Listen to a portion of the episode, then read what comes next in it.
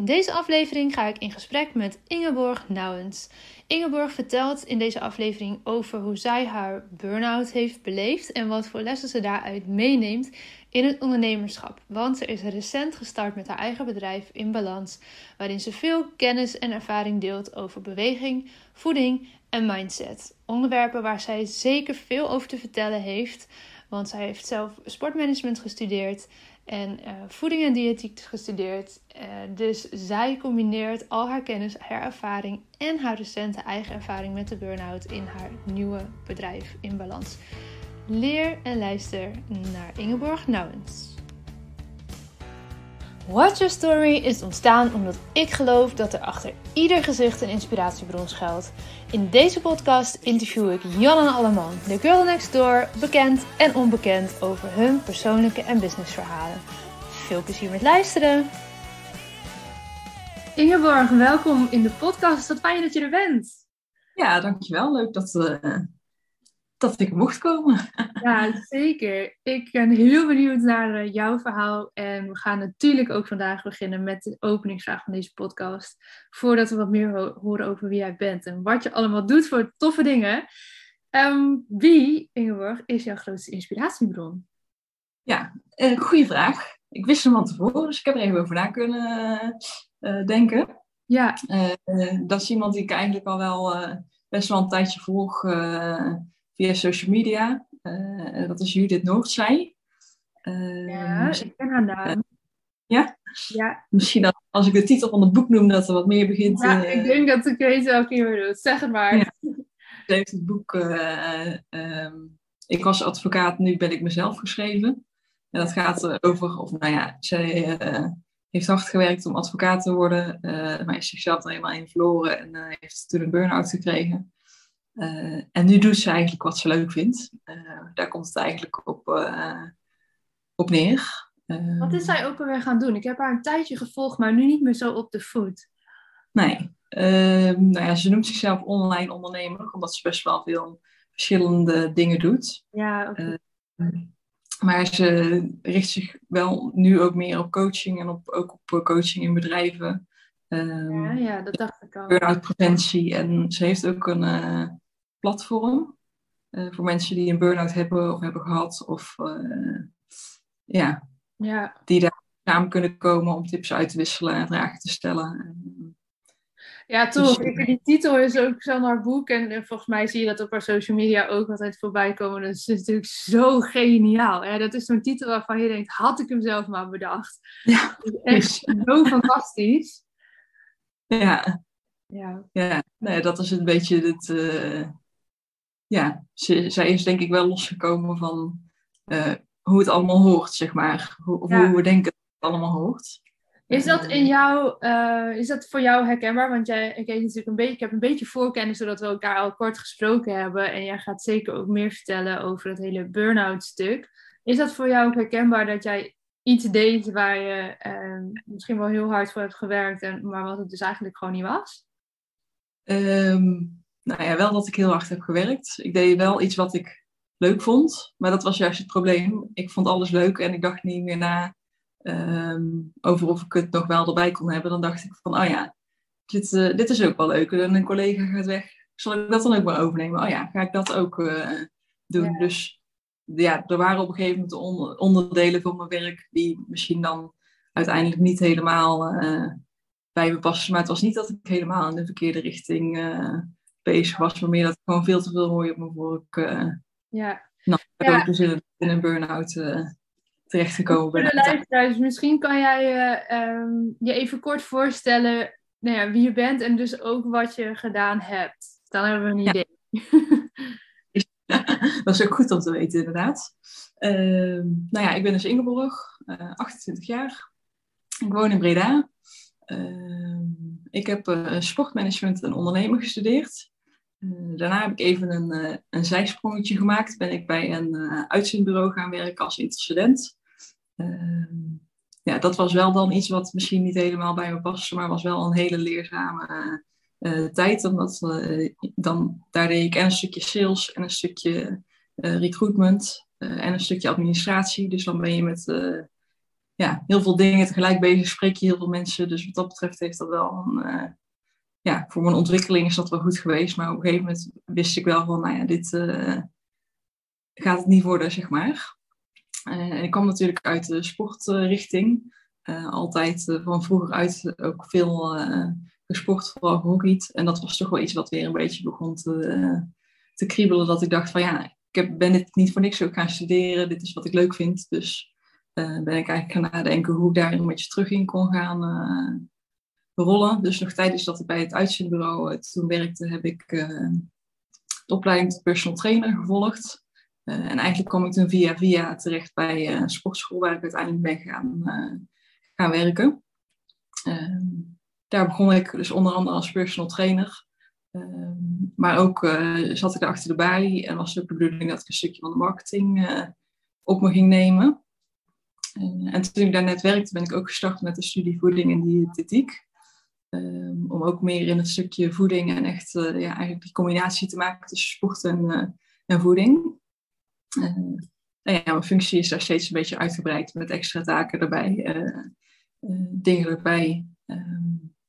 Dus ik deed wel wat ik leuk vond, omdat ik was bezig voor het sport- en voedingsstuk. Uh, vond ik leuk. En het marketingstuk vind ik ook leuk. Uh, maar ja, alles in combinatie met elkaar uh, was het toen gewoon te veel. En luisterde ik ook niet meer echt naar mijn gevoel. ging ik meer op mijn hoofd af. Die zei van, ah oh ja, dit lukt nog wel. En dit is ook leuk. En doe maar. En ga maar. Ja. totdat het dus op een gegeven moment niet meer gaat. Dan ja. Want wat gebeurde daar op dat moment met jou, voor jou? Ja, nou ik had al wel een tijdje door van het gaat niet helemaal lekker. Um, ja, ik zat gewoon niet lekker in mijn vel. Ik was echt extreem moe. Uh, ik had ook heel veel buikklachten. Nou ja, dat zorgde ik totaal niet in de richting van uh, gerelateerd aan stress. Um, maar ja, dat was dus uiteindelijk wel zo. Uh, ik ging toen ook al naar een therapeut, dus ik had ook al wel gesprekken.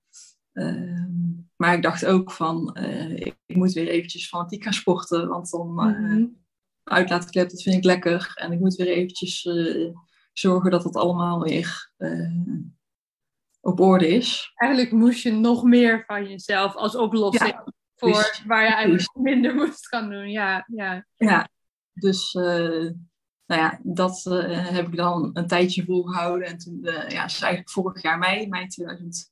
21 had ik een weekje, uh, een weekje, uiteindelijk anderhalve week, twee weken vakantie.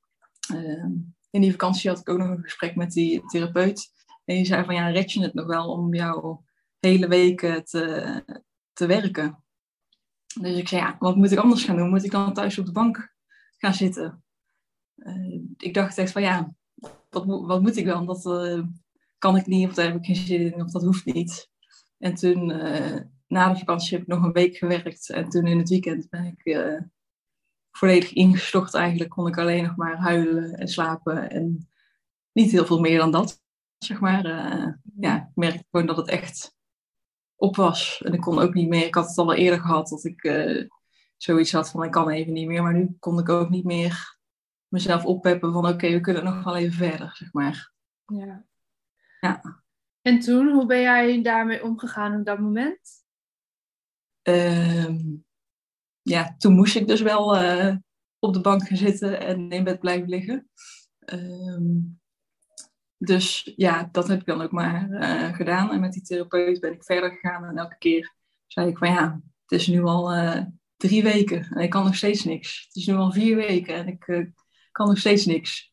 Um, maar goed, als ik nu, nu dan terugkijk, ik probeer er dan ook wel ja, veel dingen op te schrijven, want er gebeurt heel veel in je hoofd. Uh, ja, piekergedachten, zoals ze dat dan mooi noemen. Dus had ik een piekerkwartiertje. dan moest ik een kwartier zitten om alles van me af te schrijven. Dat is nog steeds wel een fijne, vind ik. Ehm, nou ja, als ik dat nu teruglees van helemaal in het begin, denk ik, ja, ik kon nog niet eens een fatsoenlijke zin formuleren. Er stond een beetje gekrabbel op een papiertje. Um, dus ja, in het begin vond ik het wel, ik wist wel van, oké, ik weet dat ik hier uh, uiteindelijk beter uit ga komen. Maar in het begin was ik echt heel ongeduldig. Um, en ja, eigenlijk wil je gewoon, dat is je natuur, je wil heel veel dingen doen en dat kan gewoon dan even niet. Ehm, dus ja, ja, uiteindelijk, soms kon ik me eraan toegeven en uh, ja, ik moest er eigenlijk wel aan toegeven. Gewoon op de bank liggen, niks doen, andere mensen voor je aan het werk zetten, zeg maar. Ja. Dus, uh, ja. Veel lessen die daarin zitten, gok ik zo, in zo'n periode. Ja, wel, ja, het is natuurlijk ook hoe meer je er zelf over praat en naar buiten gooit, hoe meer mensen je ook uh, dan weer spreekt die inderdaad in dezelfde situatie zitten of gezeten hebben.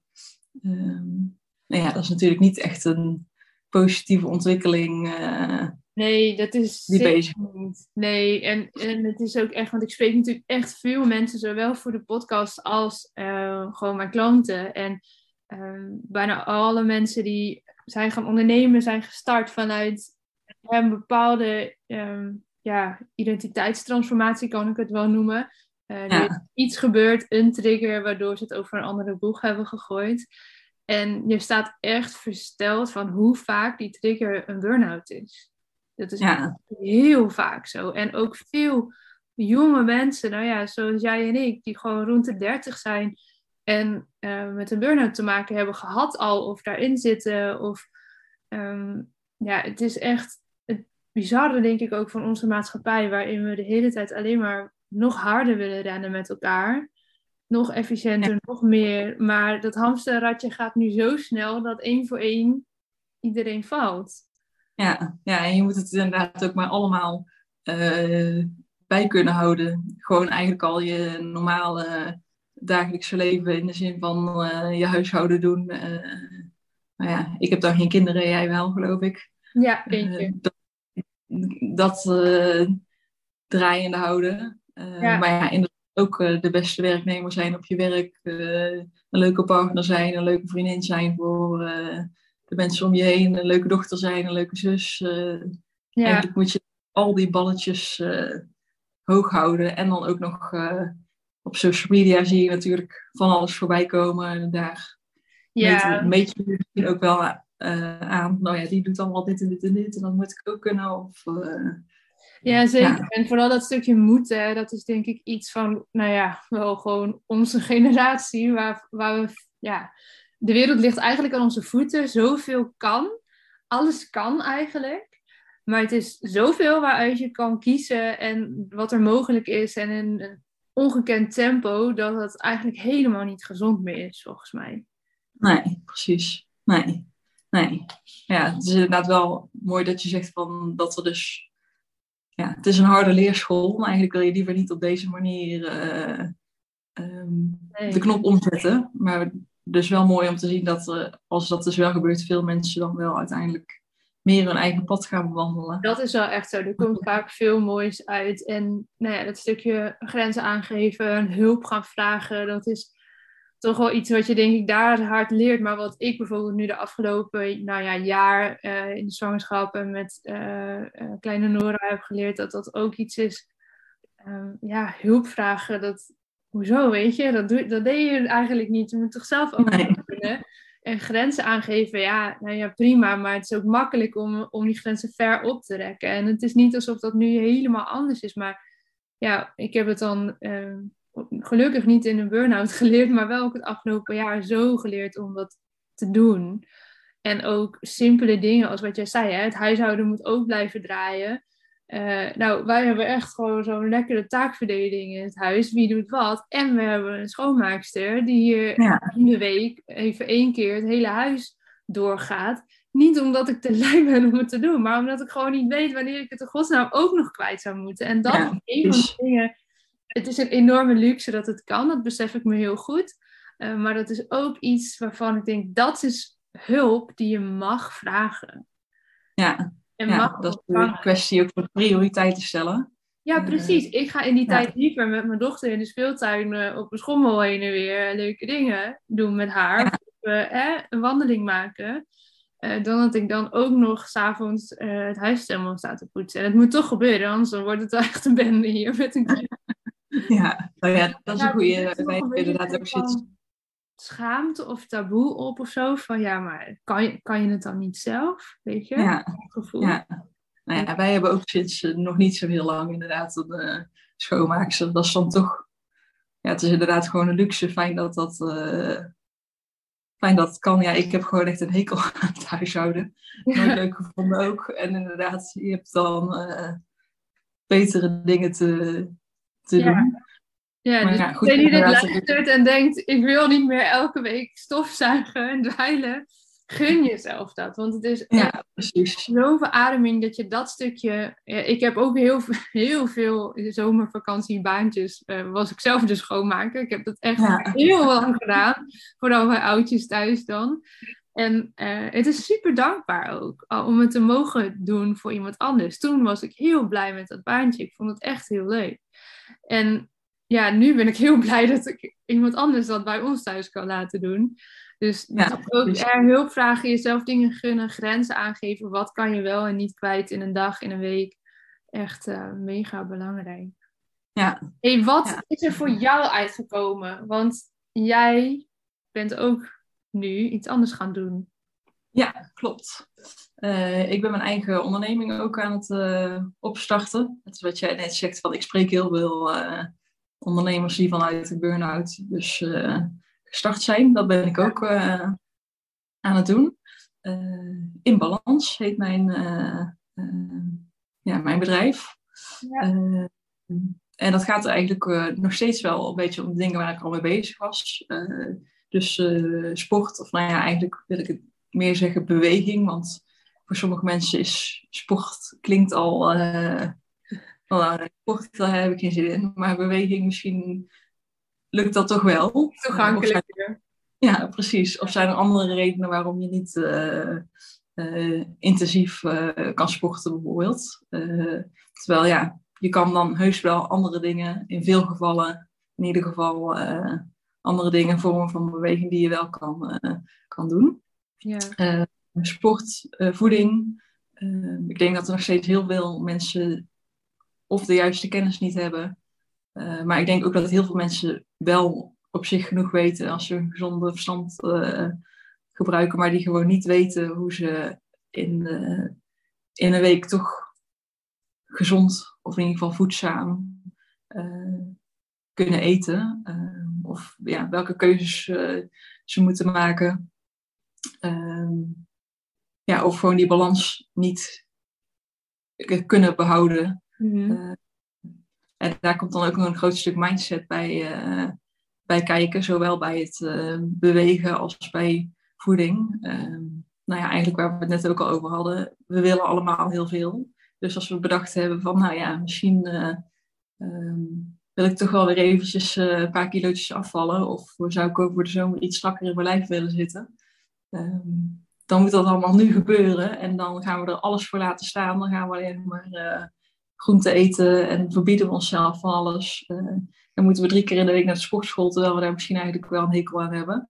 Uh, dus eigenlijk wil ik die drie pijlers van beweging, uh, beweging en voeding en mindset samenvoegen tot een, een cursus waarin je dus leert hoe je in kleine stappen ja, wel resultaten gaat behalen en ook behouden.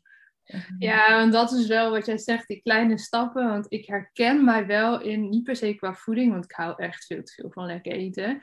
Maar, ook wel gezond hoor, maar ook gewoon, ook soms niet gezond. En, uh, maar met sporten herken ik dat enorm. Want ik heb zelf ja. altijd op hoog niveau gevolleybald vroeger. En de afgelopen jaren ben ik helemaal niet zo sportief geweest, kan ik zeggen. Maar uh, ik vind het wel nog steeds heel lekker. Gewoon, mag ook wel gewoon een workout thuis zijn, weet je, met zo'n videootje wat door corona is dat natuurlijk uh, is ontzettend veel uh, ontstaan. Dus dat kan heel makkelijk. Ja. En ehm, wat ik dan altijd heb, dat ik dan een soort van denk, oké, okay, ja, ik wil weer meer sporten. Oké, okay, ik ga vanaf nu elke dag sporten. Ja, precies. En wat je zegt, dat doet gelijk zo extreem. En dat hou ik, ik Ja. hou dat nooit vol.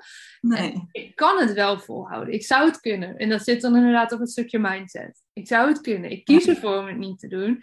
Maar het is dan wel een soort van intentie waarmee je dan denkt... Ja, oké, ik ga nu elke dag sporten. En dan doe ik dat een week. En dan denk ik, ja, dit slaat ook helemaal nergens op. Oké, dan ga ik drie keer in de week sporten. En dan doe je dat nog even. En dan op een gegeven moment is het één keer. En dan denk wordt het ah, steeds de vakantie is weer voorbij. Weet je, laat maar. Ja, Ja. ja. Maar Hoe hoe, maak- eh, Hoe je maak je dan dat misschien wat kleiner of behapbaarder? Ja. jezelf? Dat je dus niet dat elke keer, en ik ben niet de enige, daarom durf ik dit ook wel te bekennen, trap ik weer in diezelfde valkuil. Ja, precies. Nou ja, ik denk dat het heel belangrijk is om er een eh, gewoonte van te maken. Eh, en je ook te realiseren dat je gewoonte dus niet ja, in één keer kan implementeren. Dat kost even tijd. Eh, en wat je zegt, van je begint meestal gewoon met eh, veel te veel. Het moet allemaal dan in elke dag. Ehm, dus sowieso zou ik het klein houden.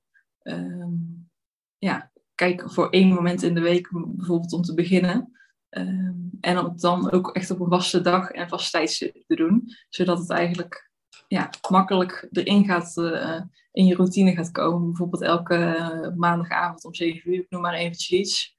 Eh, dat is jouw momentje, dat weet, dat weet iedereen eh, thuis. Dan ga jij eh, sporten. Eh, en als je dat dus in je agenda zet en ook gaat doen, dan op een gegeven moment is het in jouw hoofd. Want dat, daar gaat het eigenlijk om, dat je in je hoofd eh, excuses gaat bedenken om het niet te doen. Ehm, maar ja, dan heb je een gewoonte die je steeds eh, door kan zetten. En eigenlijk hoef je er dan ook niet meer over na te denken. Want dat is vaak het vermoeiende. Je hebt een bepaald, eh, ja, eigenlijk een potje wilskracht, laten we het maar even noemen.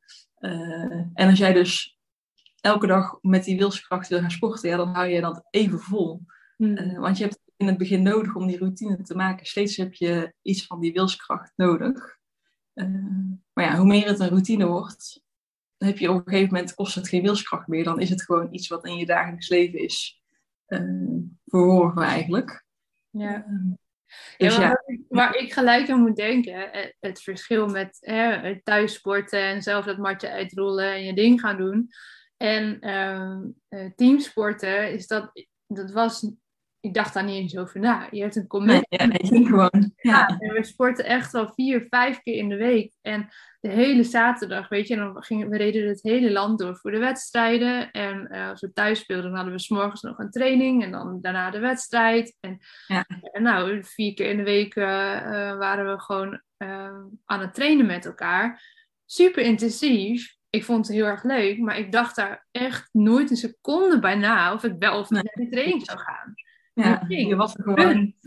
Ja, ja, nou ja, dat is wel ook een, eh, een goede tip om eh, misschien iemand te zoeken waarmee je samen kan, eh, kan bewegen. Want ja, als de ene zegt van eh, vandaag eh, even geen zin, er is altijd wel een grotere kans dat een van de twee zoiets heeft van we gaan toch. En dan Ja. ben je een beetje committed aan elkaar eh, eh, om toch te gaan.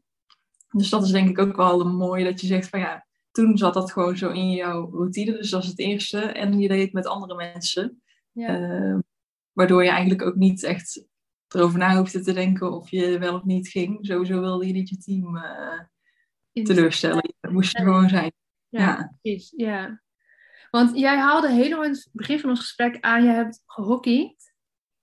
Klopt. Want Daar hebben wij het helemaal nog niet eerder over gehad. Maar vind ik wel leuk om Nee. wat over te horen. Eh, je, je speelt nu niet meer, of wel? Nee, nee, nu niet meer. Ik heb eigenlijk tot, eh, ja, hoe oud was ik toen? Dat ik 16, 17 was. eh, altijd gehockeyd. En dan, ja, ik deed dan altijd wel in het hoogste team bij ons op de club. Maar dat was niet, eh, niet het landelijke niveau of zo. Maar wel, voor mij, ik nam het wel serieus in de zin van, ehm, ja, inderdaad altijd trainen en moeten winnen. En dat was ook wel wat er... ja, van je verwacht werd als Ja. je natuurlijk eh, speelde. En ja, dat was inderdaad ook, ja, ik vond het echt superleuk. Tot, tot op een gegeven moment, ja, steeds wat wisselingen in het team waren. En ik ging toen ook eh, eh, naar 6 VWO toen. En toen had ik zoiets van, ik heb even die tijd en aandacht ook nodig voor, voor school toen. En daarna ben ik nog wel een keer opnieuw begonnen met, met hockey, maar toen gewoon in een lager team en was het meer voor de lol. En daarbij merkte ik ook wel dat ik dat, dat vond ik best wel lastig, dat er dus wel een trainingsavond was. Maar de ene en ander was strikter dan de ander. En ik vond in het begin van ja, je moet er gewoon zijn, maar ja, op een gegeven moment, als je daar dan elke week weer uh, moest afvragen wie er allemaal kwam en wie niet. Um, ja, dat maakt het voor mij ook wel uh, minder leuk. Snap ik wel. Ja, ja. andere instelling waarmee je dan, uh, dan ga je gewoon echt lekker met elkaar sporten. En, ja, zo ja. ja. ja dus Hoe is het voor jou geweest om um, te stoppen met hockey? Uh, ja, toen was ik daar wel oké okay mee. Ja. Denk ik. Ja, dat, uh, het was gewoon mijn eigen keuze. Ik had nog verder kunnen gaan. Maar ja. Nou ja, toen was het na heel wat jaartjes. Ook als het een eigen keuze is, is het soms best wel iets wat je loslaat. Ik vraag het bewust hoor, want ik ben steeds meer met mensen hierover in gesprek. En hoor ook zoveel verhalen van mensen die vaak als het noodgedwongen was dat ze moesten stoppen, dat dat zoveel impact heeft. Ja. Je eigen keuze kan het ook veel impact hebben, is wel net anders, denk ik. Um, maar ik ben daar steeds meer met mensen over in gesprek van ja, wat, wat doet het nou eigenlijk als je je sport loslaat? En dat hoeft ja. niet alleen maar sport op topniveau te zijn, want je vergist je soms dat hoeveel, um, ja, laten we zeggen, amateursporters, gewoon sportliefhebbers, ook zodanig verbonden zijn met hun sport dat als je dan ineens stopt, dat dat echt wel wat doet. Ja, nou ja, daar kan ik in die zin wel over mee praten dat, uh, ja, toen ik burn-out kreeg, toen kon ik niet meer sporten. Uh, en inmiddels zijn we een jaar uh, verder en ik kan nog steeds niet intensief, of nou ja, ook niet matig intensief, zeg maar. Ik kan wandelen en ik doe dan uh, yin-yoga, doe ik veel.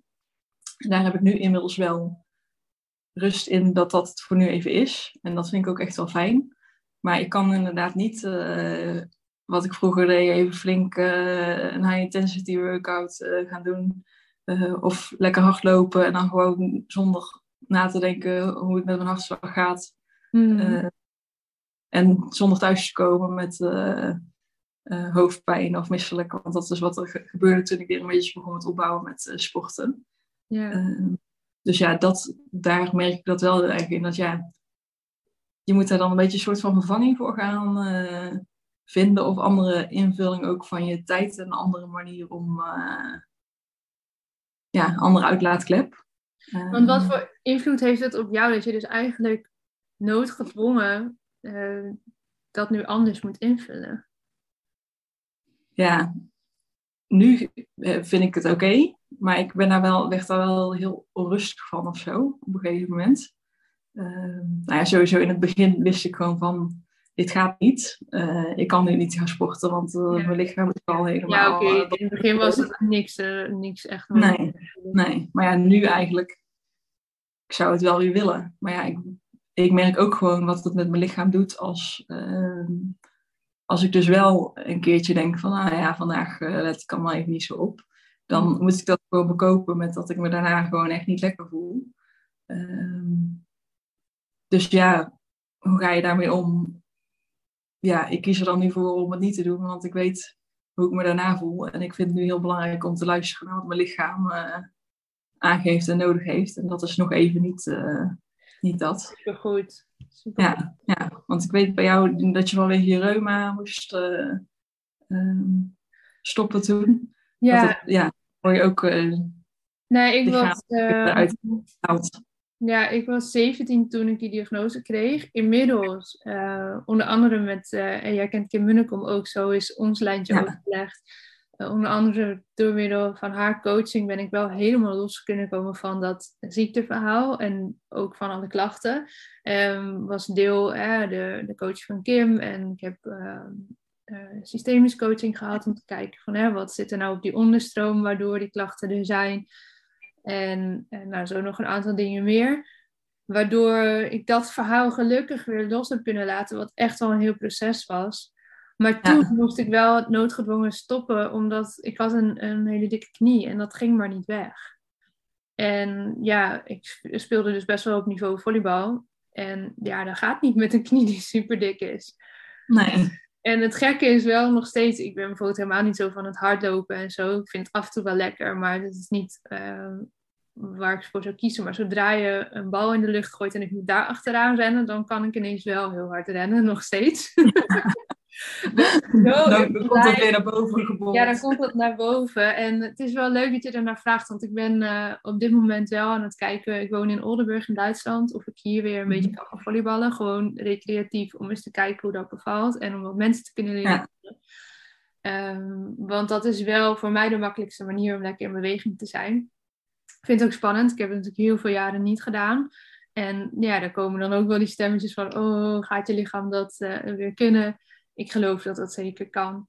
Maar toen was dat wel noodgedwongen en was dat absoluut niet mijn case. Want ik had echt wel de droom om uh, nou ja, in de Eredivisie te spelen, in het Nederlands team te spelen, wellicht zelfs de Olympische Spelen ooit mee te maken. En je zal nooit weten, was dit niet gebeurd, of het dan wel was gelukt. Weet je, dat, die kans is natuurlijk alsnog heel klein, want de top is super smal. Ik was niet heel lang, ben niet heel lang. Uh, met mijn 1,76 in de volleybalwereld is dat gewoon niet heel lang. Ehm, en het was niet alsof ik al in Jong Oranje speelde of zo. Weet je, ik was niet op een punt dat je het bijna kan aanraken en toen ging het mis. Maar als 16, 17-jarige was dat wel mijn grote droom. Zoals zoveel tieners dat hebben. Ja, ja en je was er wel naartoe aan het werken voor jou gevoel. Ja, uh, precies. Ja. En um, ja, dan stort dat wel in op zo'n moment. Ja. Ik vond dat wel uh, anders dan bij jou. Ik was echt wel daarmee verweven uh, met Lotte de volleybalster. En wie, wie was ik nog zonder? Dat kan ik nu zien, hè, dat dat toen de struggle was. Op dat moment had ik dat niet zo door. En ja, ik zie dat bij veel sporters op alle niveaus uh, terugkomen. Ja, ja dan, de identiteit een beetje mee verworven is met eigenlijk iets wat je... Ja. Niet wat je bent, maar wat je doet. ja, precies. Ja, en voor mijn gevoel was ik dat echt. Hè. ja. Dat was ook... Um, wat ik bij mijn ouders bijvoorbeeld ook heb gezien, weet je, die waren ook heel erg uh, verweven met mijn identiteit als volleybalster. En zij hebben natuurlijk ook jarenlang, uh, nou ja, je zal ook herkennen dat je ouders hebben je vast ook gehaald en gebracht naar trainingen of gingen mee met wedstrijden. Of, hè. Dat is voor uh, ouders is het vaak ook ja, best wel even slikken als zoiets dan stopt. Want ja, die hebben daar ook hun netwerk en die hebben daar ook superveel tijd en liefde en energie en geld vaak ook in gestopt. Ehm, ja, dus dat is wel eh, eh, wat er ja, dan gebeurt. In ieder geval bij mij ook gebeurt. Ik heb ook net jij later nog wel eh, gespeeld hoor. Dus dat is wel heel fijn. Het is niet dat ik vanaf toen nooit meer kon volleyballen, gelukkig. Ehm, maar ja, wel een proces. Ja, precies. Ja, dan is het echt een afscheid en dat gedeeltelijk veranderen van je leven gewoon. Ja, absoluut. Ja. Uh, ik vraag me wel even af, heb je dan daarvan ook wel geleerd uh, om naar signalen van je lichaam beter te luisteren? Uh, of in ieder geval toen had je zoiets van, het lukt niet meer met die knie. Ehm, heb je dat mee kunnen nemen naar verder tot nu toe, dat je signalen opvangt, dat je weet hoe je daarmee om moet gaan, want je bent er ook van afgekomen? Ja, ja steeds beter. En, en dat is absoluut een leerproces. Maar als ik echt goed luister, weet ik wel precies wat mijn lichaam me vertelt. En ik kan wel twee recente voorbeelden noemen. Uh, eentje heb ik volgens mij al eens eerder verteld in de podcast, weet ik niet helemaal zeker. Maar dat was zo ongeveer drie maanden, denk ik, na de bevalling van Nora. Uh, kreeg ik ineens weer heel veel last van mijn lichaam. Ook mijn beide knieën werden heel dik en uh, ook last van mijn handen en er gebeurde van alles. En acuut schoot ik terug in het oude verhaal van reuma. Ja. En niet alleen ik, maar vooral ook mijn omgeving. Ik neem ze niet kwalijk, het is logisch, want het leek aan al, alles leek het daarop. Uh, ik ben zelfs nog weer in gesprek geweest met een reumatoloog. Nou, die adviseerde me om uh, medicatie te gaan nemen, zwaardere medicatie dan dat ik eerder heb gehad. Nou, ik gaf op dat moment ook nog borstvoeding, dus ik wilde dat niet. Ik wilde het eigenlijk überhaupt niet, maar dat was een mooie reden waarom ik het echt niet uh, wilde. ja. Ook kunnen verkopen naar de mensen om me heen, want ja, die moesten ineens mij weer heel erg gaan helpen met dingen. En uiteindelijk, toen ik echt goed ben gaan voelen van hé, maar wat is hier nu eigenlijk aan de hand, ging het heel erg over gezien en gehoord worden in mijn nieuwe rol als moeder en in mijn ambitie om ook weer te kunnen gaan ondernemen. Dat hoefde niet per se op die dag. Maar eh, Ja. hier in Duitsland heb je kinderopvang pas vanaf één jaar. En ik merkte dat dat heel erg eh, verstikkend voelde. En Ja. dat heeft niks te maken met dat ik het met Nora niet leuk vond. Want ik vind haar fantastisch. En de tijd die we samen hebben is echt geweldig. Maar ik heb ook nog andere ambities. En dat is ook het voorbeeld wat ik wil zijn voor haar. Ook al ja, je bent niet alleen mama dan. maar ik wil ook Ja. haar laten zien van hé, maar als je ook nog ergens anders passie voor hebt, eh, ga ervoor. Het kan met elkaar, het kan naast elkaar bestaan, met elkaar bestaan. En op dat moment denk ik dat mijn lijf dus fysiek reageerde op het idee dat, dat ik me niet kon gaan uiten, dat ik niet die creativiteit kwijt kon, dat ik niet ehm, de mensen die ik zo graag wilde helpen verder kon gaan helpen, omdat ik gewoon een jaar lang eh, alleen, zeg maar, overdag verantwoordelijk zou zijn voor de zorg voor haar.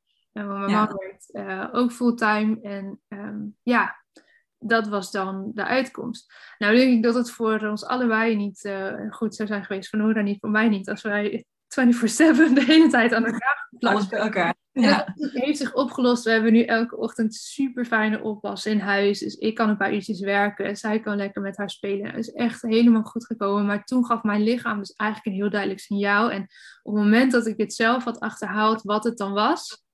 En wat ik daarin nodig had. En toen ik dus hulp ben gaan vragen. Om weer terug te komen op ons eerste stukje van dit gesprek. ehm, was het ook binnen een paar weken weer weg. Tuurlijk, het heeft heel even, weet je, het had even eh, aanloop dat het in mijn lijf ontstond. En het heeft dan ook weer even nodig dat het weer weg eh, vloeit, als het ware. En dat, dat ging super snel. Dat was zo weg. Op het moment dat ik het had eh, nou ja, herkend, had erkend, die hulp ging vragen, die hulp kwam er. Ehm, ja, dat, dat was zo'n mooi voorbeeld van hoe je lijf dan die signalen aangeeft eigenlijk. Ja, ja, dat wilde ik, wilde ik inderdaad ook zeggen. Want het is eigenlijk bizar dat wat er dus intern gebeurt, eigenlijk vooral in je hoofd. Dus je denkt van ja, dit is niet helemaal hoe ik het wil, hoe ik het voor me zie. Hoe dat dus inderdaad in lichamelijke klachten kan, eh, Ja, kan uiten. ja echt. En hoe belangrijk het is dat je daarnaar eh, ook luistert. Want ik denk dat dat wel een stukje is wat zeg maar de... Ja, wat ik ook vertelde in het begin van ik eh, had buikklachten. En dan daarmee ging ik naar de huisarts. En die vraagt dan een aantal dingen, waaronder heb je stress? Zei ik ja, misschien. Ja, of niet meer dan normaal. Want voor Ja, mij was normaal heel hoger dan eh, eh, normaal. Nou ja, uiteindelijk werd ik naar een diëtist doorgewezen. Die vraagt het dan nog een keer. En als je dan zelf zegt van nee, want dat dacht ik oprecht van het valt allemaal mee en het gaat wel. Ja. Uh, maar ja, hoe dat dan dus is, dat als je niet naar jezelf uh, luistert, dat je lichaam dus gewoon gaat aangeven van hé hey, hallo, zo gaan we dit eventjes niet, ja. niet doen. Ja, ja, en dan het... mooi dat ook herkent en dat... Ja, en het is zo mooi als je, daar, als je dat dus echt kan voelen en ook durft te kijken van hé, hey, wat is de diepere laag die hieronder ligt, wat mijn lijf eigenlijk wil vertellen. Want het was natuurlijk heel makkelijk om te denken, nou, ik gooi er weer medicatie tegenaan, uh, hè, weet je, dan gaat het wel weg. Maar eigenlijk gaat het niet weg, je onderdrukt het alleen maar. Ja, precies. En ik voelde heel sterk, sterker dan, zeg maar, jaren geleden, van ja, maar ik wil niet weer in dat oude verhaal. Ik wil niet die medicatie. Ik, ik wil dit niet. En ik voelde ook heel sterk, ja, maar dat ik in gesprek ben met een reumatoloog, dat ik hier überhaupt over nadenk, doe ik voor de mensen om me heen. Want die willen het beste voor mij en denken dat dat het beste is voor mij. En ja. vanuit liefde, echt waar. Maar ik voelde het zo sterk, alleen ik moest de verantwoordelijkheid gaan nemen zelf om dat uit te spreken dat ik dat niet wilde. En dat vond ik heel spannend, want dat er iets moest gebeuren, dat was wel duidelijk. mijn lijf was niet blij.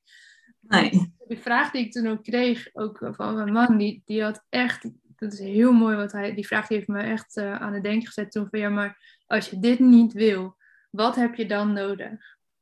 Ja. Ik ga je ja, niet verplichten om je medicatie te nemen, maar wat heb je wel nodig? Want zo gaat het niet. En ja. ja dat, dat is wel hard misschien van er, zo gaat het niet. Iets moet gebeuren. Maar daar was ik me wel van bewust. En dat heeft voor mij wel me aan het denken gezet van oké, okay, maar wat is hier nu eigenlijk echt aan de hand? Ja. Wat is die dus een beetje misschien al wel langer, maar moet dat er nog even uitkomen. Precies, ja. En in woorden, omschreven worden, wat je eigenlijk al langer voelt. Precies. En hoe mooi is het dat je dan dus, als je daarnaar luistert, als je kan achterhalen van hé, hey, wat is er nou echt aan de hand? En soms weet je het zelf eigenlijk wel. Soms heb je daar gesprek nodig, misschien even voor uh, met iemand anders. Dat is prima. Um, als je daar dan echt naar durft te luisteren, kan het dus ook heel snel weer weggaan. Ja, precies. Ja, mooi. Toch? Ook uh, mooi dat je dat dan ervaren hebt hoe het dus is als je nog niet weet dat je, dat je, ja, dat je dus geleerd hebt in de loop van de tijd hoe je daarnaar moet luisteren en ja. moet handelen ook. Want dat is ook nog het tweede, hè? misschien dat er bij sommige mensen wel een stemmetje is. Nou ja, dat herken ik denk ik ook en dat herkent volgens mij iedereen. Ja. Het lichaam nu ook, geeft ook bepaalde signalen. En ik vertelde jou voordat wij de opname starten dat ik afgelopen weekend uh, had doorgewerkt. En mijn lijf zegt ook van, hey, ga even niet de hele dag achter die laptop zitten, beweeg. Uh, hey, dat, bij mij gaat het heel snel in mijn schouders zitten bij heel veel ja. denk Daar bouwt de spanning zich op bij mij. Ehm, en dat voel ik heus wel. En ik weet ook dat ik dat nu even een beetje negeer. Um, maar dat, dat is dat constante spel in, in die balans, wat jij ook zo mooi zegt, van je lijf, je geest, je voeding, je beweging, uh, waar je prioriteit aan geeft. En ik denk echt dat als we nou ja, die red race waar we het eerder over hadden, als die eens wat minder hard gaat draaien en er komt iets meer ruimte om ook te leren luisteren naar je lijf en daar gehoor en acties aan te kunnen koppelen, ja, hoe fijn zou dat zijn en hoe gezond zou dat ook zijn, volgens mij. Ja, zeker. Maar ja, wat wel mooi is, uh, wat je zegt, vind ik, van oké, je weet nu dat van je nek en je schouders het gaat vastzitten. Dus de bewustwording, dat stukje dat je weet van oké, dit uh, is er nu en ik weet ook hoe het komt. Dat is natuurlijk al een hele grote eerste stap. Want je, je weet, ja, niet dat je, denkt, dat je denkt van ja, ik heb, waarom heb ik er altijd uh, pijn aan? Je weet hoe het komt eh, en je kiest er nu bewust even voor om er even niet naar te luisteren. Um, om een paar redenen dat je gewoon uh, het werk even door wil. Maar ja, je weet het wel, zolang je daar niet te lang in door blijft gaan, kan dat wel een keertje. En natuurlijk kan dat een keertje. En het is ook wel, uh, kijk, ik weet ook wat me helpt om gewoon even een half uurtje toch te pakken om wat uh, yoga oefeningen te kunnen doen. Om lekker te douchen. Om, eh, weet je, die, daar zorg ik echt wel voor. En dat is misschien in het verleden wel anders geweest. Dat je het echt negeert en gewoon doorgaat. Um, of dat je het voelt, signaleert en misschien nog niet de volledige aandacht eraan geeft zoals je weet dat het goed zou zijn, maar wel wel aandacht aan geeft. Want als ik, als ik alleen maar de hele dag zo ga zitten en dat niet doe, ja, dan, dan wordt het straks wel echt vervelend. En dan gaat mijn lichaam schreeuwen in plaats van luisteren. En ja, dat ja, is wel uh, ja, geleerde les daaruit. Ja. ja. Ja. en wat ook vaak is, is dat je eigenlijk helemaal niet productief wordt als je maar op je stoel blijft. Nee joh, nee, dat ook nog eens. Ja, dat denken we dan. Ja. maar dat was echt. Ja. Nou ja, dat, dat doe ik nu. Ik werk nu echt in blokken van maximaal een uur. Uh, omdat ik nog steeds wel na burn-out is, dat is nog niet helemaal weg. Ik heb daar nog steeds last van. Um, maar ja, dat is nu wel wat ik me aangeleerd heb. En wat ik nu denk van, eigenlijk wil ik dat ook nooit meer anders, denk ik. Van dat ik na een uur inderdaad opsta en ja, eigenlijk uh, een beetje dan kan je je hoofd even loslaten en dan even iets doen met je lichaam om even te uh, voelen. Dus of wandelen of meditatie of een bodyscan of ja, even inderdaad oefeningen. Ja. ja, ik hoop eigenlijk dat als ik dat niet meer moet doen omdat het anders gewoon niet lukt, dat ik dat dan ook blijf doen. Dus, uh... Nou ja, wat waar je eerder aanhaalde, hè, van als je ergens routine van maakt, dan, blijf je, dan kan je wel veel makkelijker volhouden. En ik denk dat je nu noodgedwongen daar een routine van aan het maken bent. Uh, die dan ja. dus dan daarna ook kan volhouden als je daarvoor kiest. Ja, ja. nou ja, dat zou wel. Uh, zou ik heel fijn vinden, dus daar, eh, daar ga ik inderdaad voor. Uh, je bent er zelf bij, zou ik zeggen. Ja, zeker. Ja. ja. Hey, mag ik jou bedanken voor dit super fijne gesprek? Ik ben onwijs benieuwd waar het de komende maanden, de komende jaren heen gaat met jouw bedrijf. Volgens mij is er echt nog mega veel werk te doen op dat vlak. Um, dus ik denk dat veel mensen je dankbaar zullen zijn dat jij hier uh, mee aan de slag gaat. En dat er op deze manier echt iets heel waardevols ook is ontstaan uit jouw burn-out. Ja, zeker. nou, ik ben ook benieuwd. Ik heb natuurlijk mijn plannen al liggen, dus ja. moet het, zelf natuurlijk vormgeven hoe dat gaat lopen. Maar ja, ik heb in ieder geval weer iets waar ik enthousiast van word en waar ik zin in heb om mee aan de slag te zijn. Dus, ja, ja, superbelangrijk. Ja. Dankjewel. Ja, jij ook. Dankjewel voor het luisteren naar deze aflevering van de Lotte Gerland podcast. Ik vind het super leuk om te weten wie er luistert en vind het dan ook te gek als je dit met me deelt. Bijvoorbeeld via je Instagram stories. Tag me vooral at watchyourstory-nl zodat ik jouw bericht ook weer kan delen. Samen bereiken we zo nog veel meer mensen en kunnen we dus ook met alle verhalen nog meer impact maken. Heb je nou zelf een inspirerend verhaal dat je eigenlijk graag zou willen inzetten voor de marketing en communicatie van jouw bedrijf, maar kom je er niet helemaal lekker uit? Ga dan naar watchyourstory.nl en plan een gratis 30 minuten marketing strategie sessie. Dan gaan we er samen naar kijken en ik kijk er enorm naar uit om je daarover te spreken.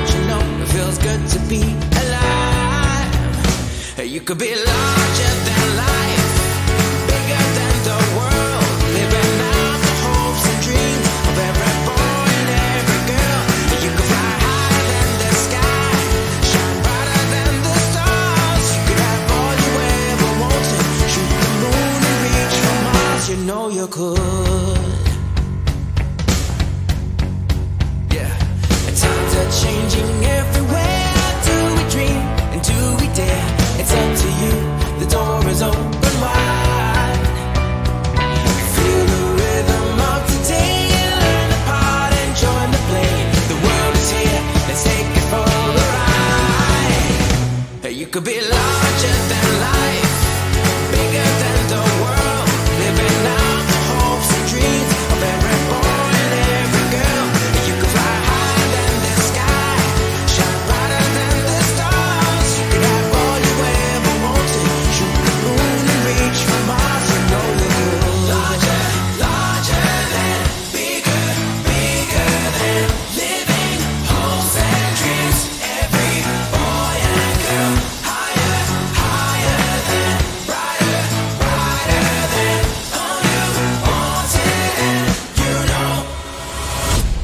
could be larger.